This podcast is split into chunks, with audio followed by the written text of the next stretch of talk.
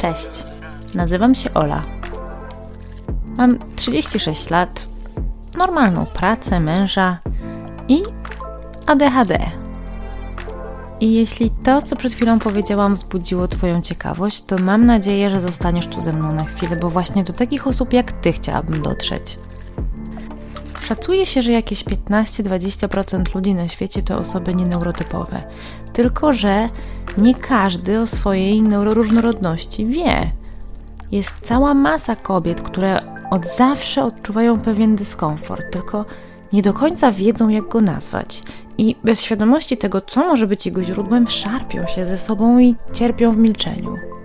Bo o ADHD czy szeroko pojętej neuroróżnorodności u kobiet mówi się zdecydowanie za mało. I bardzo chciałabym, żeby ten stan rzeczy zaczął się powoli zmieniać. No i właśnie dlatego tu jestem. Żeby podzielić się z Tobą moją historią i żeby dopuścić do głosu inne kobiety atypowe, z którymi będę tu rozmawiać. Bo mimo, że każda z nas jest inna, to łączy nas wiele wspólnych doświadczeń. Przede wszystkim sposób, w jaki widzimy i czujemy otaczającą nas rzeczywistość. Łączy nas też stopień, w jakim potrafimy utożsamiać się z każdą taką opowiedzianą historią, bez względu na to, kto ją opowiada.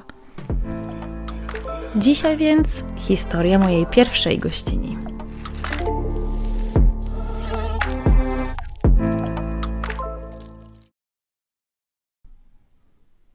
Witam Was w drugim odcinku Atypowych, który jest pierwszą rozmową. Rozmową, do której zaprosiłam Monikę Hausman-Pniewską. Z Moniką znamy się od wielu już lat, ale tak naprawdę dopiero teraz miałyśmy okazję poznać się od zupełnie nowej strony, tej nieneurotypowej. Monika sama powiedziała tu o sobie, że jest bardzo dorosłą kobietą, która nadal nie do końca wie, co chce w życiu robić. Ja osobiście wolę określenie kobieta orkiestra. Monika jest żoną, mamą dorosłego już syna oraz dwóch psów. Byłą nauczycielką, dziennikarką, a obecnie trenerką i animatorką społeczną. Jest też niedoszłą lasoterapeutką, a niedługo będzie również psychoterapeutką. Monika od jakiegoś czasu oswaja się ze swoją neuroróżnorodnością, ale nie ma jeszcze oficjalnej diagnozy i o tym, dlaczego tak jest, będziemy tu rozmawiać. Zapraszam Was więc do wysłuchania naszej dyskusji o tym, czy w bardzo dorosłym życiu warto się diagnozować i dlaczego tak. Cześć Moniko. Cześć Olu. Bardzo się cieszę, że zosta- zgodziłaś się zostać moją pierwszą gościnią. Dobrze, jeżeli moja historia będzie interesująca, jeżeli mam jakąś historię, to chętnie się podzielę. Myślę, że tak jak już wspominałam, każda z nas swoją historię ma i właśnie między innymi dlatego, dlatego chciałam, chciałam Cię zaprosić. Chociaż Ty właśnie nie byłaś do końca przekonana, czy, czy, czy, czy będziesz odpowiednią gościnią. No nie byłam i nadal nie wiem, czy to, co mam do powiedzenia, czy to, jest, czy to jest jakaś historia. To też trochę chyba jest też jakiś symptomatyczny, że jestem jakaś, muszę być jakaś, muszę być dobra, muszę być wspaniała, więc jeżeli coś wydaje mi się, że może nie być interesujące, no to zaczynam się, zaczynam mieć wątpliwości, czy, czy, to, czy ja jestem odpowiednią osobą na odpowiednim miejscu. To ciekawe, bo ja zawsze myślałam sobie o Tobie jako o jednej z najbardziej interesujących osób, jakie znam. Wow. Dużo osób mi też mówi, że jestem bardzo śmiała, że jestem odważna. Mhm. E, no, a ja uważam, że jestem bardzo nieśmiała i bardzo lękliwa. To ciekawe. Mm, tak to jest. Ciekawe. I, wiesz co, właśnie fajnie się składa, bo ja tak naprawdę chciałam trochę od tego zacząć. To znaczy, chciałam zadać Ci pierwsze pytanie, takie.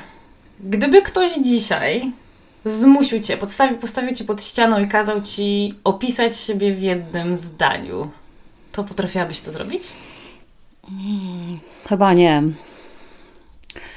Ojejku, to jakieś strasznie trudne pytanie. W Wiem, sensie takim, że y, ja jak mam coś opowiedzieć, to mam milion dygresji. Y, to bardzo dobrze się składa. No właśnie, więc jakbym zaczęła jedno zdanie, to ono by się rozrosło w jakieś, y, jakie, jakieś opowiadanie. Nie wiem, no jestem dorosłą kobietą, bardzo dorosłą. E, I cały czas jest, i cały czas nie wiem, co będę w życiu robić. O, tak bym rzekła, może o sobie. Dużo mam oczywiście takich e, chyba ciekawych cech, doceniam je już coraz bardziej, ale też dużo w sobie takich niepewności, lęków cały czas. Czasami zazdroszczę ludziom, że tak wiedzą, co jest ważne, wiedzą, gdzie chcą iść, wiedzą, co chcą robić, mają taką pewność. Ja chyba nigdy takiej pewności nie miałam. Może głupio się to przyznać w wieku 53 lat, ale, ale w sumie. Ja nie widzę w tym nic głupiego, szczerze mówiąc. I ja się często zastanawiam, jak patrzę na takich ludzi, bo kiedyś, kiedyś myślałam zawsze tak jak ty, że, że takie osoby na pewno wiedzą, czego chcą i wiedzą, co robią. A dzisiaj już nie jestem tego taka pewna. Może oni po prostu sprawiają takie wrażenie. Może, niemniej jednak naprawdę wokół mnie jest dużo osób, które ma bardzo mocno poukładane mhm. życie i bardzo takie pewne jakieś e, wyznaczniki, priorytety. No, czasami to imponuje. Hmm. A gdyby ktoś Ci to pytanie zadał w Twojej młodości, w czasach Twojego nastolenstwa, a potem, kiedy wchodziłaś już w takie dorosłe życie, myślisz, że odpowiadałabyś na to pytanie in, inaczej na, na różnych etapach? No, myślę, że tak, na pewno. Nie wiem, jak, nie wiem jak, jakby to zdanie wyglądało, ale jak sobie przypominam, to często byłam taką właśnie mm, też osobą przebojową. Mm. Wydawało mi się, że dużo rzeczy mogę, czasem naiwnie bardzo. Wydawało mm -hmm. mi się, że to jest w ogóle super pomysł i w ogóle to ja na pewno zrobię, chociaż wszyscy tak patrzyli na mnie czasami ze zdziwieniem, że ja w ogóle mogę mieć taki pomysł. Mm -hmm. e, ale mi się wydawało, że no jak to? E, więc jakby e, no, byłam pewnie bardziej odważna albo bardziej naiwna. Aha. A gdzie jest miejsce w tym wszystkim na Twoją neuroróżnorodność? Czy ona, czy ona Cię definiuje, czy, czy ona gdzieś tam jest? Jakby gdzie w tym wszystkim kończy się osoba z ADHD, a zaczyna Monika? Albo na odwrót. Mhm. Myślę, że to dopiero w ogóle od niedawna tak naprawdę zaczęłam w ogóle o tym mhm. myśleć. E, zawsze myślałam, że albo jestem dziwna, mhm. albo po prostu taka jestem, albo jestem roztrzepana, albo jestem zapominalska, e, nie potrafię doprowadzić niczego do końca, jestem słomianym ogniem i tak dalej, i tak dalej. Boże, jak to brzmi znajomo. Prawda? E, więc taka sobie też zawsze myślałam. Ale mm, był taki czas, kiedy zdecydowałam się kilka lat temu, na, no kilka lat temu, trzy lata temu, na to, żeby studiować e, psychoterapię gestalt. To taka trochę naturalna droga rozwoju moja, bo ja zawsze pracowałam z ludźmi, mhm. tylko w, w jakimś innym obszarze, w takim bardziej pracy takiej społecznej. E, natomiast, e, ale też takich procesów rozwojowych jakby ta, e, ta, ta, ta, ta sfera takiego rozwoju, też psychoterapii, no, na początku myślałam psychologii bardziej, mhm. była mi bliska i, i zaczęłam studiować. I jakby oprócz tego, czego się uczyłam w szkole, to takim, mm, takim, takim dodatkiem, dodatkiem, takim bonusem tak naprawdę dla mnie było to, że musieliśmy mieć też własną, musimy mieć własną psychoterapię. Mhm. I ta psychoterapia to jest taki po prostu milowy krok w moim życiu. Oczywiście ja się To była Twoja pierwsza terapia w ogóle? Nie, ja byłam kiedyś na terapii, okay. ale jak każda osoba z taką, która nic nie kończy, to ją bardzo szybko skończyłam, A, okay. bo już mi się wydawało, że to już nie, to już bez sensu, ja już sobie sama poradzę. No bez sensu w ogóle chodzić komuś, zawracać głowy w ogóle. Jeszcze płacić pieniądze. Płacić pieniądze w ogóle i opowiadać, no nie, to poza tym trzeba by było coś z tym zrobić, a jakby dochodziłam do pewnego momentu, mm -hmm. myślałam sobie, mhm. nie, no to już jest mur, e, ja już dalej nic z tym, z tym nie zrobię. E, I, e, no i też przerwałam, więc e, teraz, ponieważ jakby trochę mam takie obligum, że muszę mieć ileś mm -hmm. tych godzin, to to niejako zmusiło mnie, ale w takim pozytywnym znaczeniu, do tego, żeby się przyglądać sobie i pracować nad sobą. Mm -hmm. No i też zaczęłam widzieć różne rzeczy, tak? I u siebie tak samo, właśnie to. No to... i właśnie, bo ja mhm. jakby to zacznijmy od początku. Znaczy nie zaczynamy tego od początku, ale zacznijmy mhm. od początku Twojej drogi do dochodzenia do, do, do, do tego, co się z Tobą dzieje. Jak w ogóle wpadłaś na to, że Ty możesz być inna i że to ma nazwę jakąś? Mi się wydaje, że e, w wpadłam to niedawno, natomiast od bardzo dawna mówiłam, ojejku, ja to mam ADHD, to był taki żart taki, Mhm. nie? Bo ja mam ADHD. Ja tak mówiłam o swoim dziadku zawsze. Tak, ktoś tam coś mówił, bo ty tam coś tam, nie wiem, bo ja mam ADHD, nie mogę się skupić na jednej rzeczy, szybko muszę dużo rzeczy naraz robić, nie? I to był taki trochę, taki właśnie niby żart o sobie, żeby tak jakby wytłumaczyć swoje zachowanie. E, I tak naprawdę zainspirował mnie mój własny syn, którego bym w ogóle nie podejrzewała e, o ADHD, e, takie rozumiane stereotypowo, że to jest takie nadpobudliwe bardzo dziecko. No raczej był taki bardzo spokojny, taki raczej, no nie wiem, potrafił siedzieć nie wiem, godzinę jako małe dziecko i bawić się e, jednym samochodem czy jakąś zabawką, więc natomiast jak sobie tak potem myślałam o nim, e, to myślę, no tak, faktycznie, a ten nudzę, nudzi mi się ciągle, a to potrzeba tych bodźców stale, a potem już w coraz doroślejszym życiu, bo mój syn ma 30 lat, e, tego szukania różnych rzeczy, nowych, nowa praca, nowa praca. I tak sobie myślę, no tak, to jest, to jest jakieś symptomatyczne. I zaczęłam myśleć sobie, no jakby być może nie wzięło mu to się znikąd, tak, że, e, że... I zaczęłam się sobie też przyglądać i kiedy, kiedy Filip się zdiagnozował i rzeczywiście potwierdził, so, potwierdził, że ma e, ADHD, to ja oczywiście moje ucho zaczęło być wyczulone na temat, tak? Tak. Zaczęłam słuchać e, i podcastów jakichś takich i jakiegoś no też e, grup gdzieś na Facebooku i tak jakoś zaczęło mi coś e, świtać, nie? że no, to jest też o mnie historia, nie? To. A są- długo miałaś takie poczucie, że to nie może być o tobie, bo właśnie, bo ADHD diagnozuje się tylko u dzieci?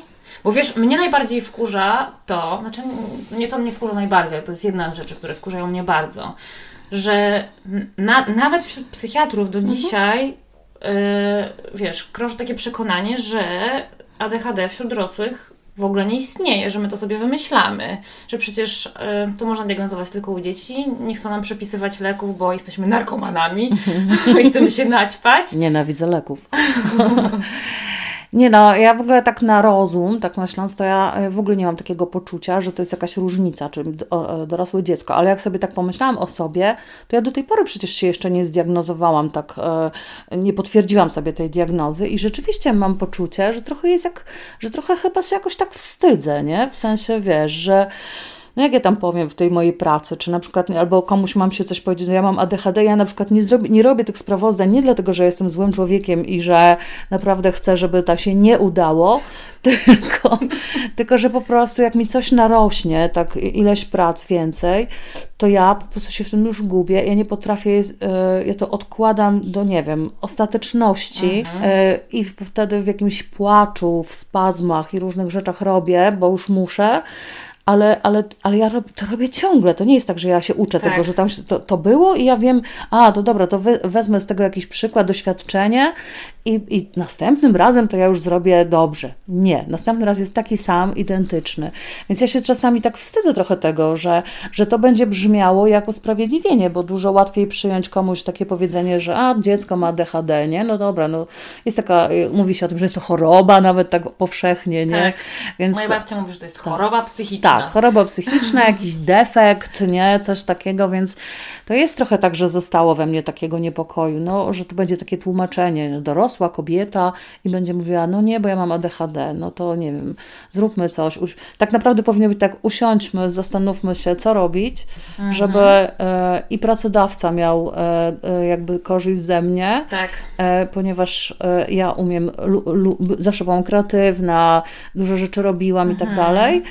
E, A z drugiej strony, żebym ja też mogła po prostu jakby, nie wiem, no właśnie nie zadręczać się czymś, co, że mi to nie wychodzi, tak, że na przykład zaczynam coś robić, a w połowie przestaje mnie to interesować. To też jest charakterystyczne. Tak. E, I to myślisz, że to jest ten główny powód, dla którego nie poszłaś po diagnozę? Czy, czy myślisz może, że w zasadzie to ona ci nie jest do niczego potrzebna, bo ty już i tak wiesz? No trochę też tak mam, że tak myślałam. Mówię, po co mi to, po, no i po co mi ta diagnoza? No i co ja z tym zrobię? E, że nie mam tam, nie wiem, 20 czy 30 lat, żeby sobie nagle pracować nad tym i w ogóle super jakoś funkcjonować dzięki temu, że na przykład biorę tabletki. Chociaż te tabletki chyba mnie najbardziej przera- przeraziły, bo ja naprawdę nie cierpię tabletek i chemii takiej, więc jakby o tym, ale to... Ale też nikt nie, nie zmuszałby cię tak. do leków. Tak, dokładnie. Ja też, też myślę sobie, że, że ja się zdiagnozuję, nie? Po prostu spróbuję, bo no, trochę tak jest, że jak zaczęłam słuchać e, Twojego pierwszego odcinka, mhm. no to się zwyczajnie popłakałam. Tak? Naprawdę? Tak, popłakałam Wiesz, się. że mi kilka innych no, osób powiedziało dokładnie to samo. Myślałam sobie, że tak, że trochę mi też, też tak jak mówiłaś, że Ci było żal i byłaś zła mhm. też. No, to mi ta przewaga żalu po prostu gdzieś tam nastąpiła, nie? Że to jednak kurczę, że tak się zadręczałam, nie? Że tak się człowiek zadrę... Człowiek, ja, że się zadręczałam sama siebie po mm. prostu. Mm. Ale i właśnie stąd zrodził się ten mój pomysł na mówienie o tym. No świetny moim zdaniem. Bo nie mówi się o tym wystarczająco dużo, a jeżeli już, to faktycznie mówi się...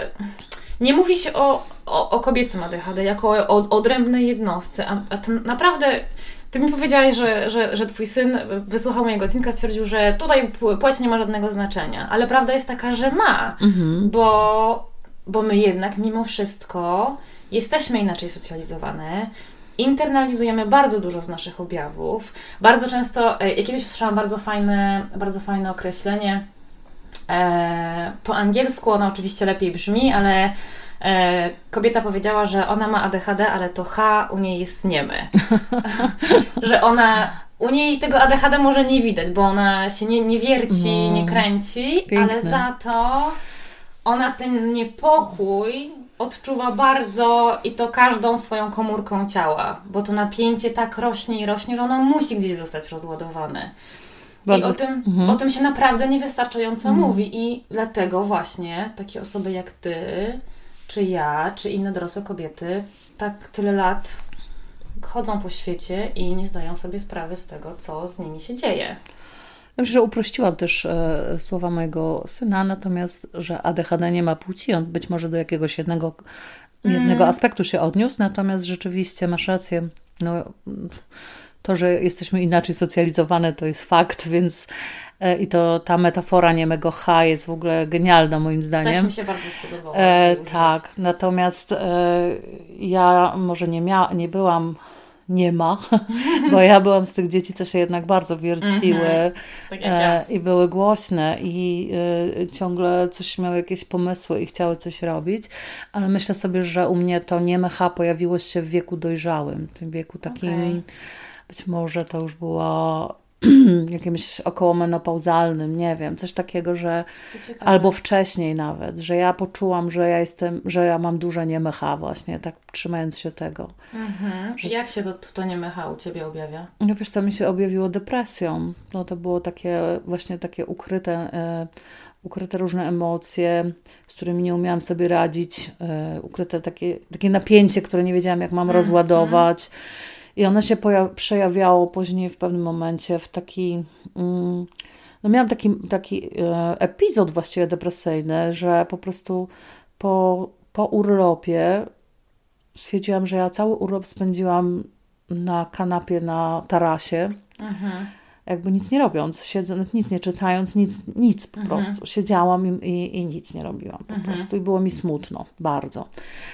No i wtedy właśnie, ponieważ miałam, mam tą psychoterapię, moja psychoterapeutka przytomnie e, zaleciła mi, żebym poszła do psychiatry mhm. i z, zobaczyła, czy nie potrzebuję jakiejś, no nie wiem, jakiejś farmakologii, żeby się trochę wzmocnić, nie? No i tak poszłam, no i rzeczywiście to, to była jakaś, to jakaś depre, to był taki, no epizod, tak jak to nazwał psychiatra, że to był epizod depresyjny. Dostałam leki, które no nie za bardzo mi pomogły, bo być może były niedopasowane, ale też byłam mhm. niecierpliwa na tyle, że i taka, że nie lubię rzeczywiście e, jakby faszerować się mhm. chemią, wobec czego nie, no nie brałam ich później już i nie wiem, czy sama e, nie za wcześnie sobie po prostu przerwałam to leczenie. Okay. Nie? Znowu na zasadzie, ja sobie sama poradzę, w ogóle to jest jakieś gadanie, w ogóle depresja, depresja, nie wiesz. po prostu nie chce mi się nic, nie?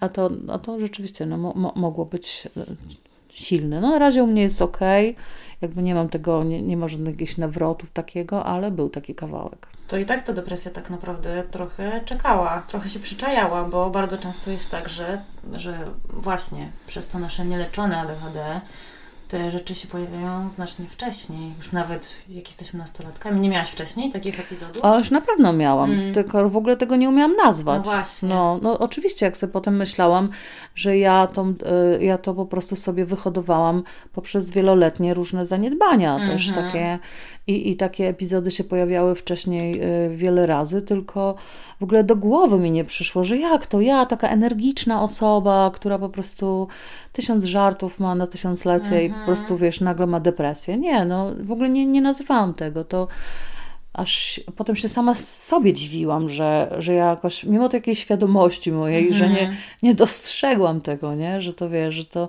jakby widzę to u ludzi innych, dostrzegam, e, potrafię zobaczyć, że komuś jest ciężko i że to nie jest tylko taki jednorazowy jakiś mhm. smutek, tylko rzeczywiście, że to jest jakiś długi stan, którego trudno wyjść tej osobie, a u siebie w ogóle absolutnie pominęłam wszystkie symptomy. Także, no. Ale to, to często tak jest.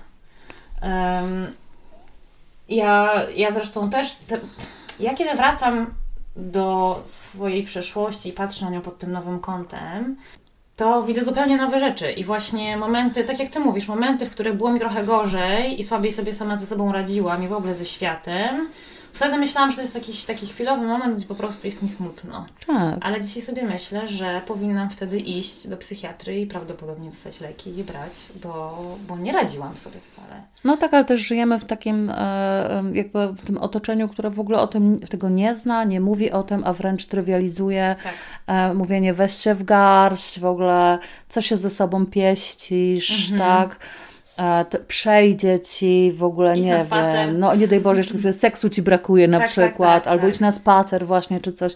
No po prostu to są takie zdania, które rzeczywiście, po jak ci to mówi nie wiem, nie jedna, a ileś tam osób to słyszysz cały mm. czas, no to w pewnym momencie w to wierzysz, nie? Że tak jest. To prawda, chociaż mam wrażenie, że naprawdę to się poprawia u nas. Tak, to prawda. E, I Wydaje mi się, że moje pokolenie to jest pierwsze pokolenie takie naprawdę przeterapeutyzowane, że my się już nie wstydzimy o tym mówić. No super to jest. E, kiedyś to było nie do pomyślenia, żeby dorosła kobieta powiedziała, że poszła do psychiatry tak. i że dostała jakąś diagnozę, bierze jakieś leki, to byłby taki wstyd na całą wieś.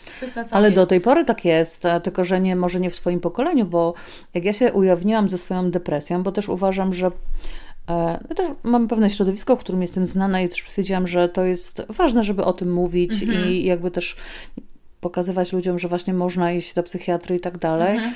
To do mnie się odezwało bardzo dużo ludzi, e, którzy mówili, ja też tak mam, tylko się wstydzę i tak dalej. I na przykład mhm. jedna z moich takich dalekich koleżanek, osób, których znam, znajomych bardziej, kto właśnie powiedziała, że ona no, na pewno nie pójdzie do psychiatry, ponieważ ją i tak uważają, że jest jakaś e, trochę dziwna, bo robi różne rzeczy, działa u siebie, mm. a jeszcze jak pójdzie do psychiatry, to w ogóle powiedzą, że jest głupia, więc e, tam w ogóle nie było, no, absolutnie nawet takie nie dopuszczała myśli do tego, żeby pójść do psychiatry. Wydaje mi się, że tutaj jakby te, no bo ty jesteś bliżej pokolenia mojego syna niż, e, no tak, no tak nawet nie no. wiem niż kogo, bo teraz nawet nie chciałam się do siebie przyrównać, bo to jest duża różnica wieku, no tak. ale ten, ale no właśnie, to, że wasze pokolenie jest bardziej takie takie świadome mhm. tego, no jest, mam zdiagnozowane, okej, okay, no to albo coś z tym zrobię, albo nie i będę się męczyć, ale jak nie chcę się męczyć, to sobie po prostu wezmę te lekarstwa, zobaczę jak one działają, tak. albo jakąś psychoterapię, czy ona mi może pomoże mhm. tak bardziej, nie? Czy jakby popracuję sobie nad tym, zobaczę, które obszary mogę poprawić, no bo to wydaje mi się, że to nigdy nie jest tak, że nagle pstrykniesz, weźmiesz tabletkę i w ogóle będziesz szczęśliwym człowiekiem. No nie, absolutnie no. nie. Tabletki tylko pomagają tak. w procesie, procesie dochodzenia do tego, żeby być lepszym człowiekiem. Dokładnie, no. A właśnie, jak to jest z tymi tabletkami? W takim razie powiedziałaś, że się boisz. O matko, to jest straszne. Strasznie wstyd się przyznać, ale ja w ogóle nawet jak dostaję normalne leki, to ja po prostu wezmę dwie, trzy tabletki, potem ich nie biorę. No, po prostu, no nie wiem, no zapominam, wypieram. Ale wiesz, że wszyscy się w, w, w kręgach ADHD-owych śmieją, że to jest po prostu ironia, że lek na ADHD jest tak skonstruowany, że musimy go brać codziennie o stałej porze i o nim pamiętać, no właśnie, żeby lepiej tak. funkcjonować. Wiesz, ja mam takie leki, które powinnam brać o stałej porze i brać je codziennie. I to o ile rano wezmę, tak wieczorem już nigdy. Chociaż mm -hmm. nastawiam sobie budzik. U... Właśnie chciałam, Alarm. Chciałam jest. zapytać o takie strategie radzenia sobie. Co ty? W ogóle to nie, nie działa. Nie, w ogóle. Ja to po prostu o, całkowicie ignoruję. W ogóle podoba mi się taki przycisk drzemka albo ignoruj to. Ja po prostu to taką, z taką e, satysfakcją naciskam. Nie? Oczywiście taką trochę myślą, dobra, zaraz wezmę. I oczywiście natychmiast zapominam. -hmm. W ogóle zapominanie, wydaje mi się, to też to jest jakiś symptom e, tego, syndrom tego, tego ADHD. To jest po prostu dla mnie coraz bardziej straszne e, i, i rozwijające się, więc to mnie też jakby gdzieś no i ten brak, brak koncentracji, tak? Mm -hmm. tak? Ja pamiętam, jak słuchałam Twojego pierwszego tego odcinka, to mówiłaś o tym, że kiedyś lubiłaś czytać książki, a teraz nie możesz się skupić. Ja mam identycznie. Mm -hmm. Ja mhm. pochłaniałam książki. A teraz, żeby przeczytać kilka stron, to ja się wiercę, nie wiem, palec w, w, w, kolano wciskam, tak. żebym czuła coś, jakiś chociaż trochę tak. ból, czy coś jakieś, no takie, żeby to jakby te wzmocnić takie poczucie, że jest, żeby to przeczytać. Mhm. Oczywiście, że może być taka, nie wiem, no to już muszą być jakieś takie książki e, mocno wciągające, mocno że tak. potrafię się wtedy rzeczywiście długo czytać, ale wszystko, co się wiąże jakieś e, z nauką, czy z czymś takim, co jest trudniejsze w odbiorze bardziej, tak, no tak w cudzysłowie, ale no jest trochę trudniejsze, to już wiąże się u mnie z wielkim wysiłkiem. Mhm. Ja jeszcze mam tak, że piszę artykuły i o ile na przykład mój mąż potrafi usiąść, tak usiąść, po prostu napisać i wstać i już skończyć go. To mhm. ja w ogóle mhm. tego nie jestem w stanie zrozumieć, że tak można zrobić. Bo ja po prostu rodzę każde słowo, to znaczy piszę, piszę, piszę y, i już pisząc myślę o czymś innym, tak. wstaję, robię sobie tam coś, nie herbatę, kawę, idę do ogrodu, zobaczę, o, tego kwiatka trzeba przesadzić, nie, zostawiając to już, po czym wracam, znowu dużo czasu zajmuje mi wejście w temat, nie, -hmm. żeby ten, i znowu napiszę y, kilka zdań.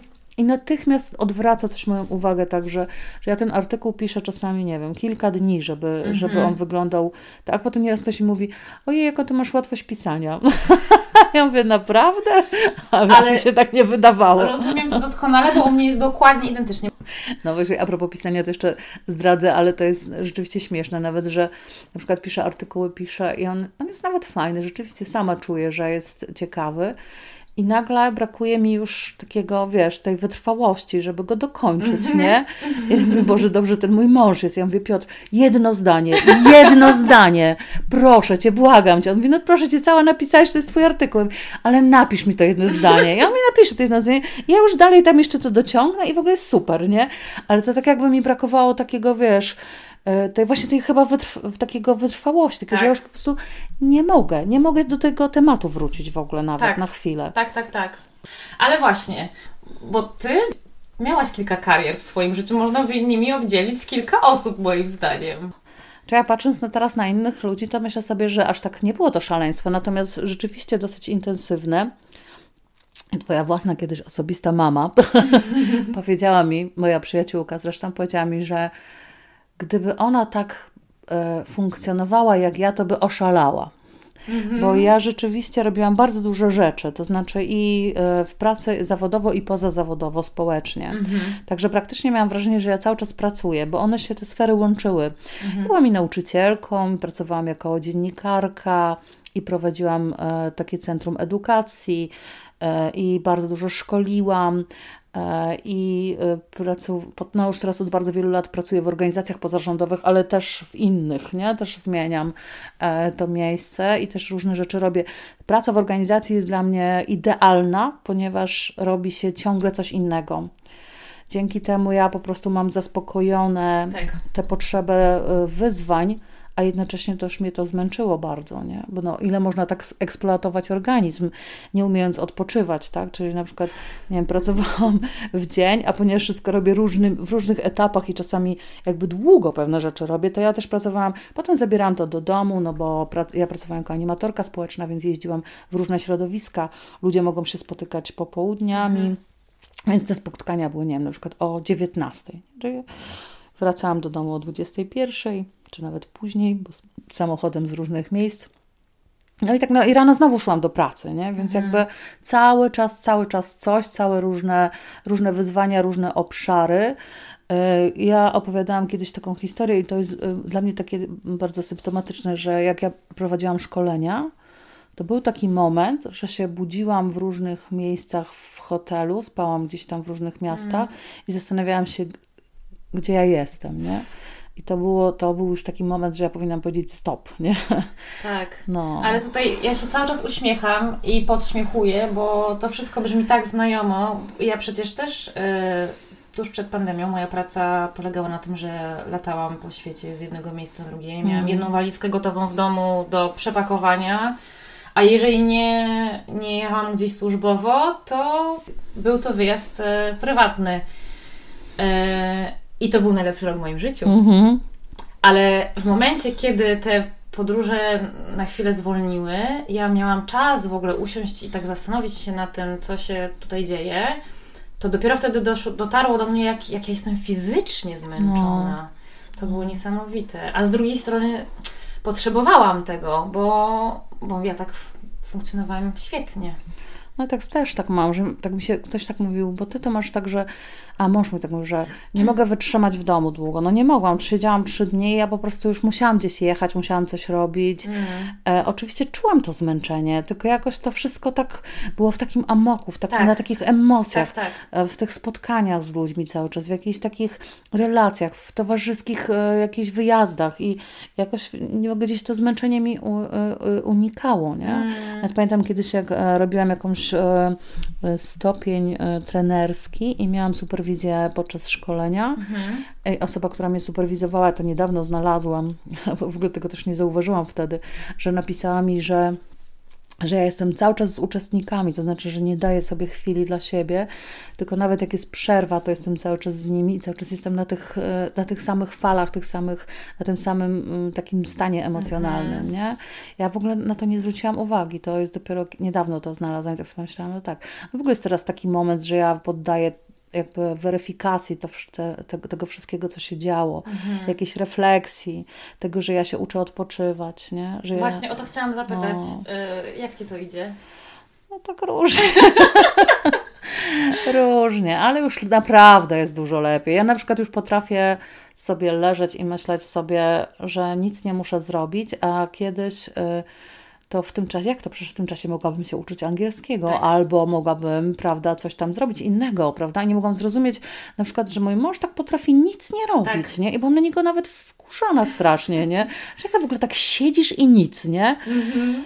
Ja w ogóle, w ogóle też mnie nie rozumiał, o co mi chodzi. A ja teraz już wiem i jest jakby doceniam to bardzo. Potrafisz sobie Tak, chociaż, chociaż jest coś takiego, że na przykład teraz mam, mieszkamy w domu, mam ogród, który jest bardzo zapuszczony, no bo jest dużo rzeczy do zrobienia.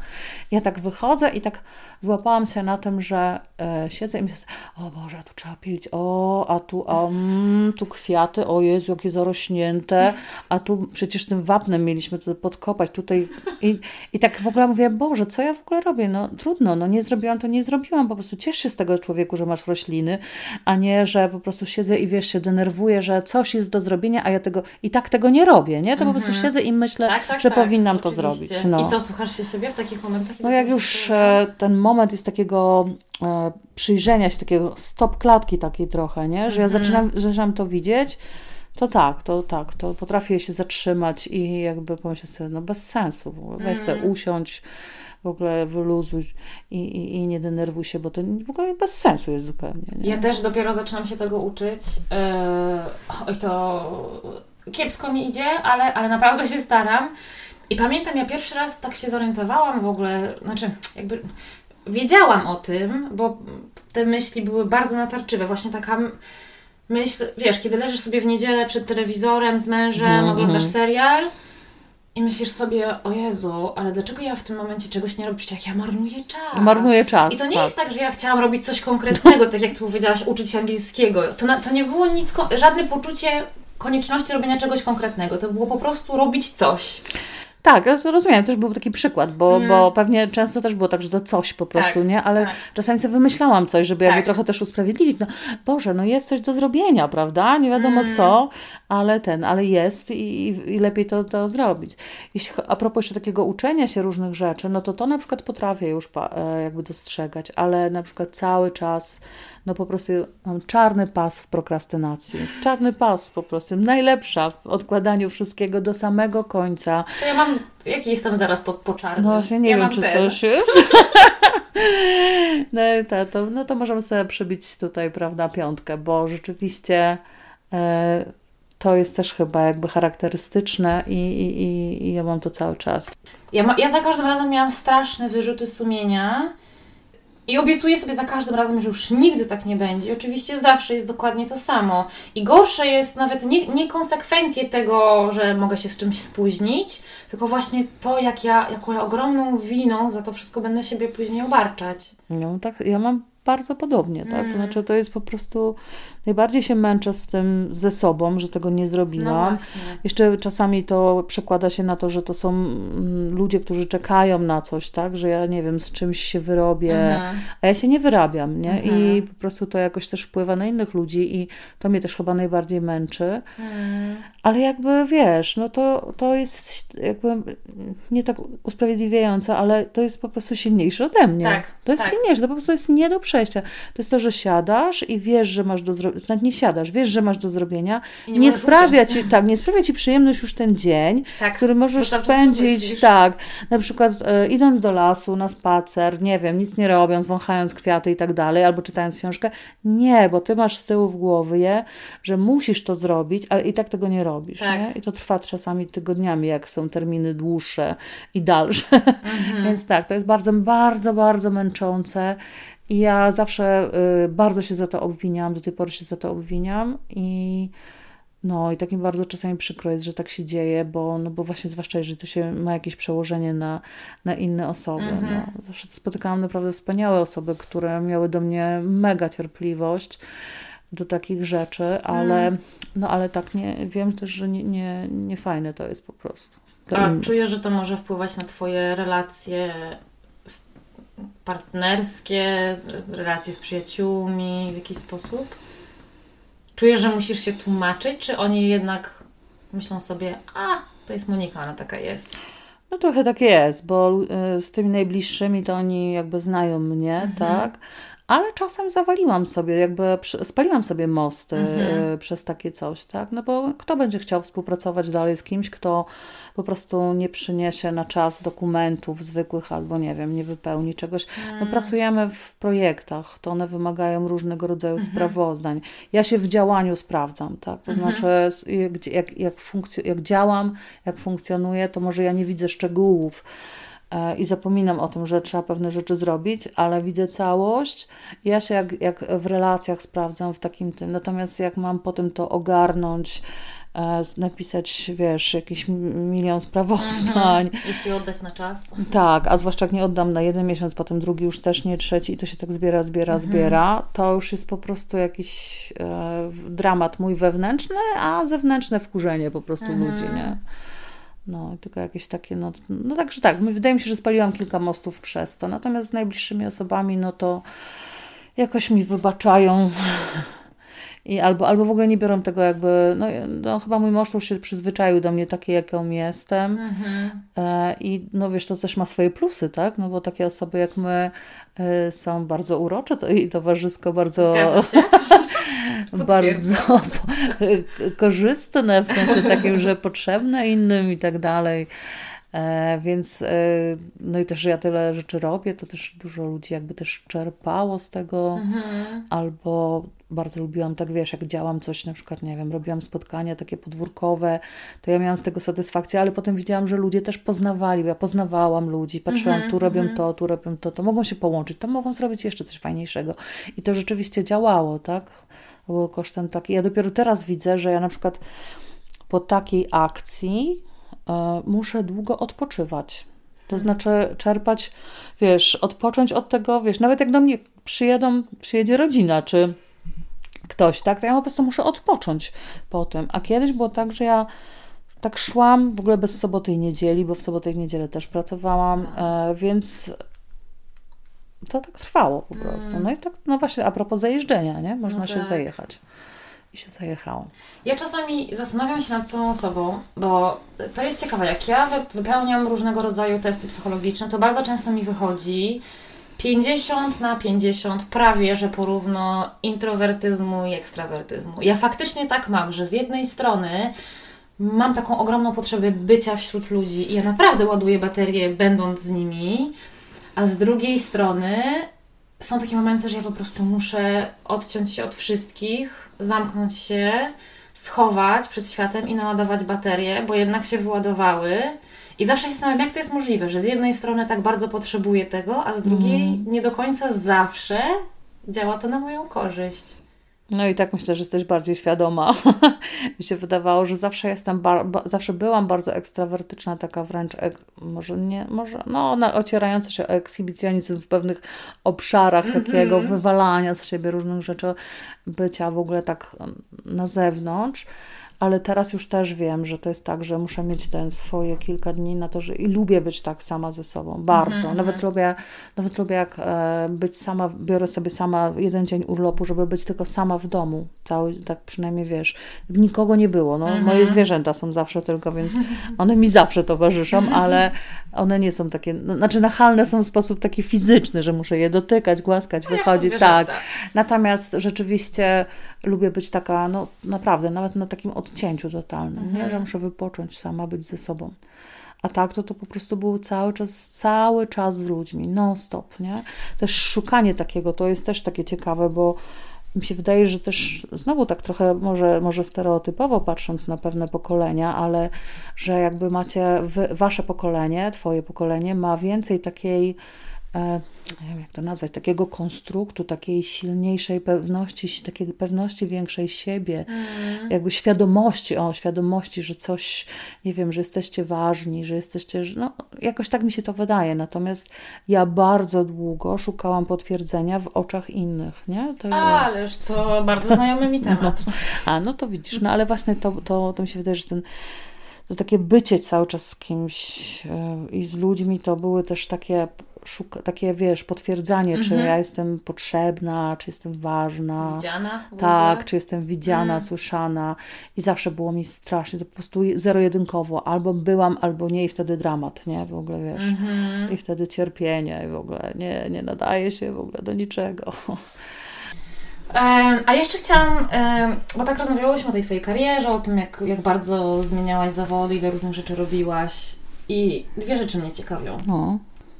Czy myślisz, że ta Twoja neuroróżnorodność pomagała w tym wszystkim, czy bardziej przeszkadzała? A może trochę jedno i drugie? No, chyba jedno i drugie, bo pomagała mi na pewno w tym, że. E, no właśnie w tej kreatywności, to takie słowo worek mm. jest, nie? Ale, ale rzeczywiście w tym, że ja potrafiłam być, e, wiesz, myśleć o różnych rzeczach naraz. Już tu mam pomysł, tu mm mam mhm. pomysł. Kiedyś miałam taki nawet, kiedyś miałam nawet taki pomysł, że dobrze by było mieć kogoś, kto by realizował moje pomysły, a wiesz, żebym ja już nie musiała ich realizować, bo najgorsza była realizacja. Sam pomysł, bo sam pomysł po prostu przychodził, nie? Ale jak już trzeba było to ubrać w taką formę po prostu wiesz, że to trzeba zrobić, mieć punkt, a jeszcze im bardziej duży pomysł, to, to, to się rozrastało, no to już był problem, tak? Mhm. Natomiast to, to mi na pewno pomagało, to mi pozwalało na, no też pomagało mi być właśnie, nie wiem, istnieć towarzysko, mhm. to, że ja miałam dużo znajomych, że zawsze byłam osobą, która była też e, e, lubiana, mhm. wiesz, sama byłam zawsze zaciekawiona ludźmi, bo ludzie mnie ciekawią, nie, więc po prostu jakoś, to mi się wydaje, że są te takie pozytywne też, e, też cechy, że się tak, nakrę, tak się sama ja lubię się tak czasami ponakręcać, mhm. nie, bo mi się mhm. wydaje, że to jest właśnie wtedy żyję, że to jest wtedy, to jest prawdziwe życie, że to... No natomiast no samo wiesz, no już trochę to, o tym opowiadałyśmy, mhm. jakie są jakby, jakie są braki, czy jakie są takie ciemne strony tego, nie? Mm. Dla siebie myślę, że dla siebie sam, same jest najtrudniej mm-hmm. z tym wszystkim.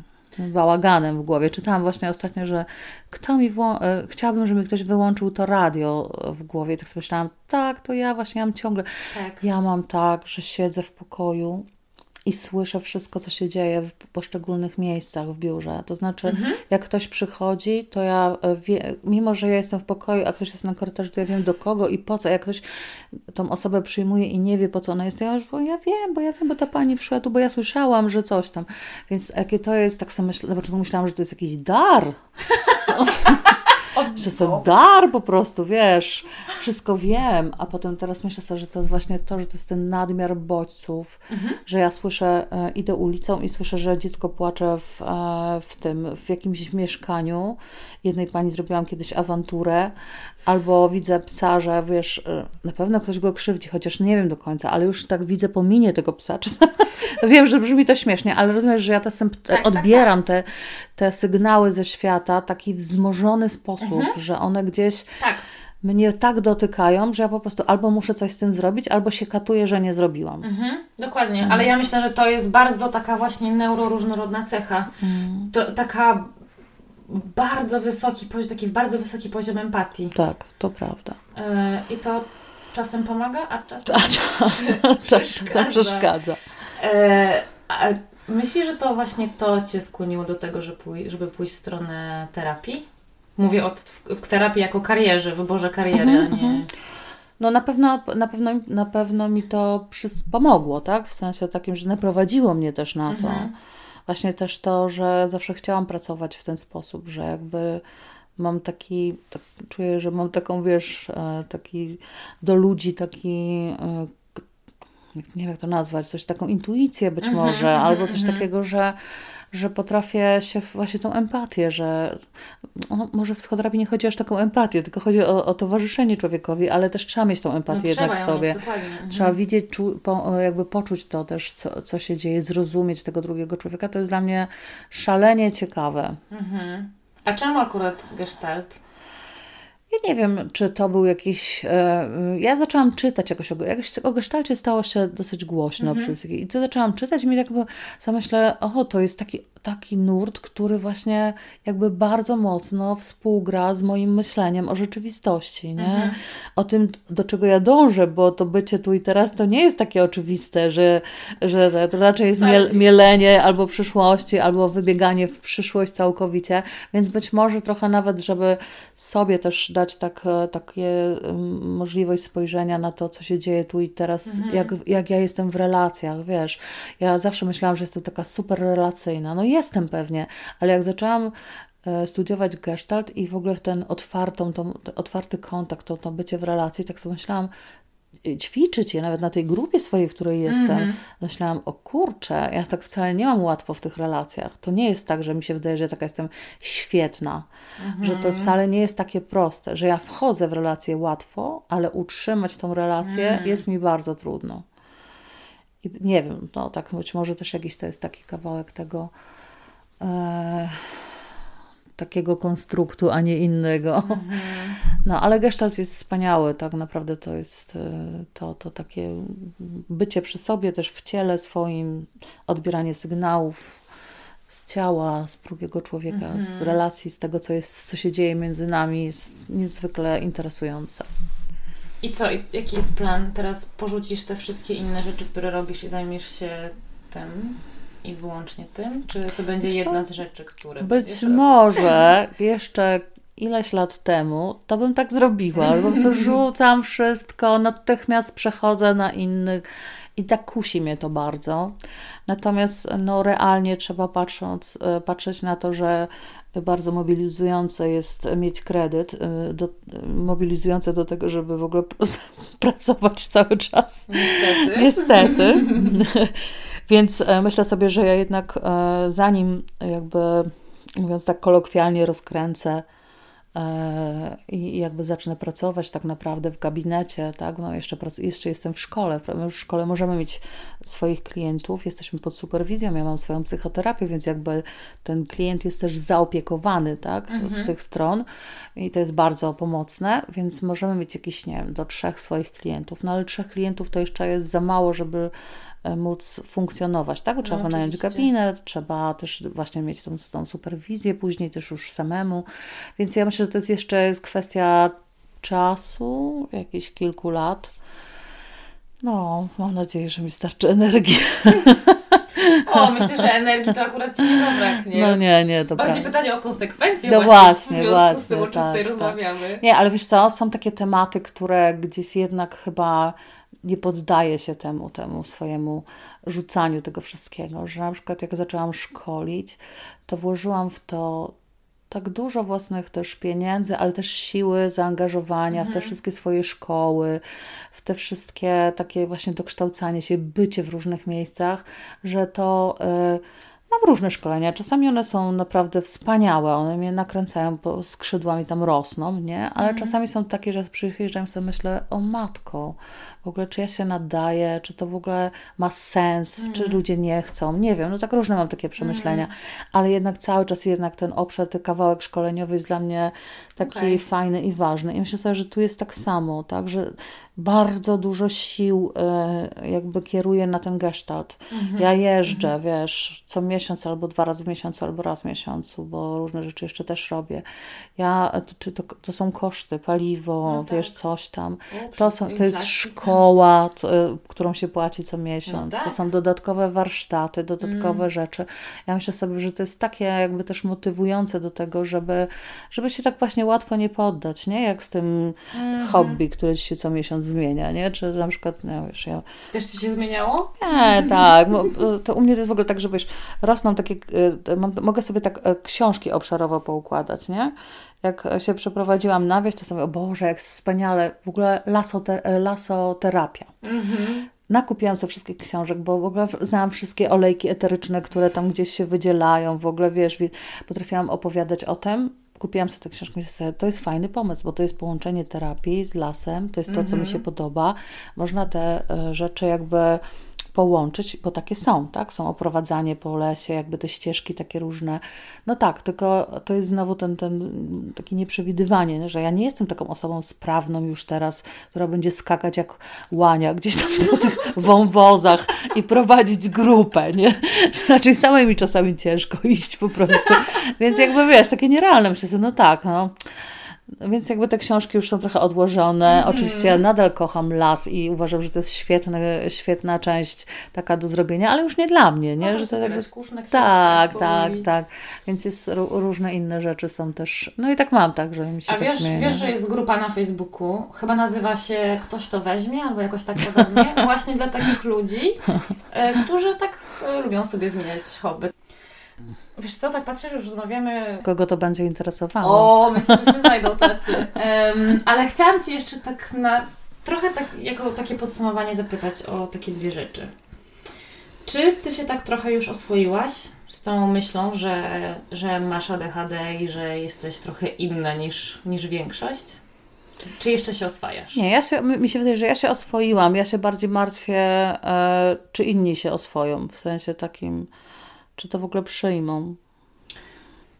No ale tak naprawdę to nie Ty się zmienisz w żaden sposób. Ty będziesz ciągle taka sama. To będzie tylko miało jakąś oficjalną nazwę. No wiem, wiem, ale jednak tak, a jakby być może to, to jest ten wynik takiego patrzenia nawet nie na to, co ludzie powiedzą, tylko jak to odbiorą, wiesz, w sensie takim, że to, czy to coś, jak, jak ktoś mnie odbierze. Trochę wiem o co Ci chodzi, nie? bo ja miałam trochę, miałam wątpliwości co do tego, czy mówić w pracy Mhm, o swojej diagnozie, czy nie mówić. I zdecydowałam się powiedzieć i cieszę się, że to zrobiłam, bo teraz niedawno miałam bardzo nieprzyjemną sytuację, e, wynikającą na pewno częściowo z tego, że ja jednak inaczej się uczę, inaczej potrzebuję, żeby się mną inaczej zaopiekowano, kiedy się uczę nowych rzeczy. Mhm.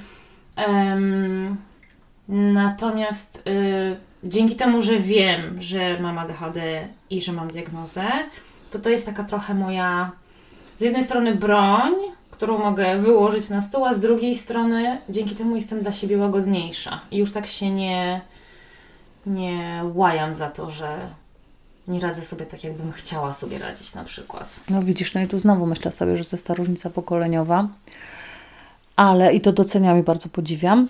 Natomiast ja tak pamiętam też, jak em, pracuję, mam bardzo fajną, e, fajny zespół, w którym pracuję. Mhm. To jest duży bardzo zespół, w większości są ludzie młodsi ode mnie. E, I jak e, wyszłam z moją depresją i jakby o tym opowiedziałam też tak trochę publicznie, no bo też jakoś tam e, i w pracy, no to ja miałam duże wsparcie, w sensie takim, no tak, tak, oczywiście, wiesz, spoko. Natomiast jak wróciłam, to mam wrażenie, że jest inaczej. i nie jest dobrze dla mnie jakoś. Coś czuję takiego, jakby coś wisiało. Więc też sobie myślę, że znaczy ja to ja, ja nie boję się mówić o takich rzeczach, nie? W Mhm. sensie takim, nawet, taki, nawet jeśli są takie konsekwencje, ale rzeczywiście, że to jest e, jakoś coś czuję, że to jest e, e, jakiś efekt tego. Natomiast myślę sobie, że w przypadku tego, że jakbym jak będę mm, pracować jako psychoterapeutka, no to to może być duży zasób, nie? że to jest zasób taki Absolutnie. do tego, że po prostu będę rozumiała, co się z drugim człowiekiem Dokładnie. dzieje, nie? że to mogę, może być to, nie wiem, jakaś moja specjalizacja chociażby. Tak, tak, tak, tak, tak. Będziesz potrafiła wyłapać to, Tak. czego moja terapeutka na przykład nie potrafiła wyłapać. A to jest bardzo ważne, taka czujność na te rzeczy i taka świadomość tego. No dobra, to ostatnie pytanie dla Ciebie. Dobrze, bo już jestem zmęczona. Zaraz Ci poleję tego wina i Cię zostawiam w spokoju. Em, a czy są jakieś takie cechy, które ewidentnie wynikają z Twojej neuroróżnorodności, które w sobie bardzo lubisz i które uważasz, że mogłyby być Twoją supermocą? O Boże, teraz nie wiem, miałam w ogóle trudność mówienia o sobie dobrze. Ech, jakbyś mnie zapytała, czego nie lubię, to, to już mówiłam wiele razy, więc to by było mi łatwiej. Natomiast co ja w sobie lubię? Lubię trochę to szaleństwo w sobie. Lubię, że jestem, że potrafię być taka spontaniczna. Czasem dostaję po tyłku za to, bo szybciej robię niż myślę, albo nie zastanawiam się nad konsekwencjami, albo podejmuję jakieś takie decyzje, które po prostu inne osoby przyprawiają o, e, wiesz, przewrócenie oczami. E, e, Mam e, mojego męża, który jest takim stop, stop takim, takim przyciskiem, że wiesz, że ja na przykład nie robię pewnie, pewnie więcej. Pewnie miałabym już sześć albo siedem psów, gdyby, gdyby nie mój mąż. To taki przykład, nie? że wiesz, po prostu ja chodzę na te ratunek i różne rzeczy. Ale, ale też czasami to w sobie też lubię, nie? To, że jestem to, taka trochę, trochę wariatka, taka pozytywna. No to chyba Fajnie. to mogę tak powiedzieć o sobie, do, że to jest takie dobre. Podoba mi się to. Długo do tego dochodziłaś, żeby tak to w sobie polubić i uznawać to za Twoją fajną cechę? Nie wiem. Wydaje mi się, że jakoś e, zawsze było to. Znaczy, może nie zawsze. Jeszcze jak była młoda, tego nie, nie doceniałam, taka ba- bardzo młoda. Natomiast teraz od, już od bardzo wielu lat myślę sobie, że to jest. E, to jest coś, co jest taką właśnie moją takim, taką, taką super mocą. Tak. No, że potrafię też tak e, inspirować, zarażać. Mam dużo informacji zwrotnych e, tego typu, że ktoś powiedział, że dzięki mnie zaczął coś tam robić, bo zobaczył, że robię jakieś fajne rzeczy i też zaczął, nie? I jest to, jak zawsze taka byłam zdziwiona, naprawdę? Ale tak, tak, to, to dużo, mam, mam takie informacje zwrotne, więc wydaje mi się, że to jest to. Fajnie, fajnie, że mimo wszystko znalazłaś taką rzecz, o No. której mo- możesz, możesz powiedzieć. Jest się czego trzymać. Jest się czego trzymać. Myślę, że tam jeszcze parę innych by się znalazło, jakby się A dobrze może. No dobra, to co, idziemy na wino? Idziemy, Ola, dzięki wielkie za tę Nie, rozmowę. strasznie dziękuję. Naprawdę bardzo się cieszę, że się jednak zgodziłaś. Zgodziłam się, a i powiem Ci, że mnie to bardzo, bardzo w ogóle mocno zainspirował mnie też Twój, e, Twoja dociekliwość i też tym, że mnie zaprosiłaś, że zaczęłam o tym tak e, myśleć, tak, wiesz, tak trochę musiałam sobie to tak przytrzymać, nie? E, I pomyślałam sobie, no tak, no może to jest właśnie taki moment, taki znak od losu, że ja powinnam pójść do tego psychiatry i sobie zobaczyć, czy ja coś mogę zmienić jeszcze, czy nie. Że to nie jest tak, że już mi się nie opłaca, bo mam 53 lata, to już wiesz, nie opłaca się już nic z tym robić, nie? Także dzięki, to jest dla mnie mm, ważne. Cieszę się bardzo. I tylko dodam, że na, na, grupie, na grupie wsparcia dla osób z ADHD jest całkiem sporo takich bardzo dorosłych kobiet i mężczyzn, którzy decydują się jednak na to. Czemu nie? No to dobre i smutne, nie? Że tak dopiero No tak, tak. późno. No tak. Także zachęcamy wszystkich, żeby szybciej. Ba, patrzcie na siebie, przyglądajcie się sobie, dajcie sobie Tak. pomóc, wesprzeć się i w ogóle. Dokładnie. To zgodnie z naszym ADHD-owym tym, to weź, chodźmy, kończmy już, co? Bo to wiesz, szkoda czasu. Dobra, idziemy. Dobra, idziemy. Dzięki wielkie.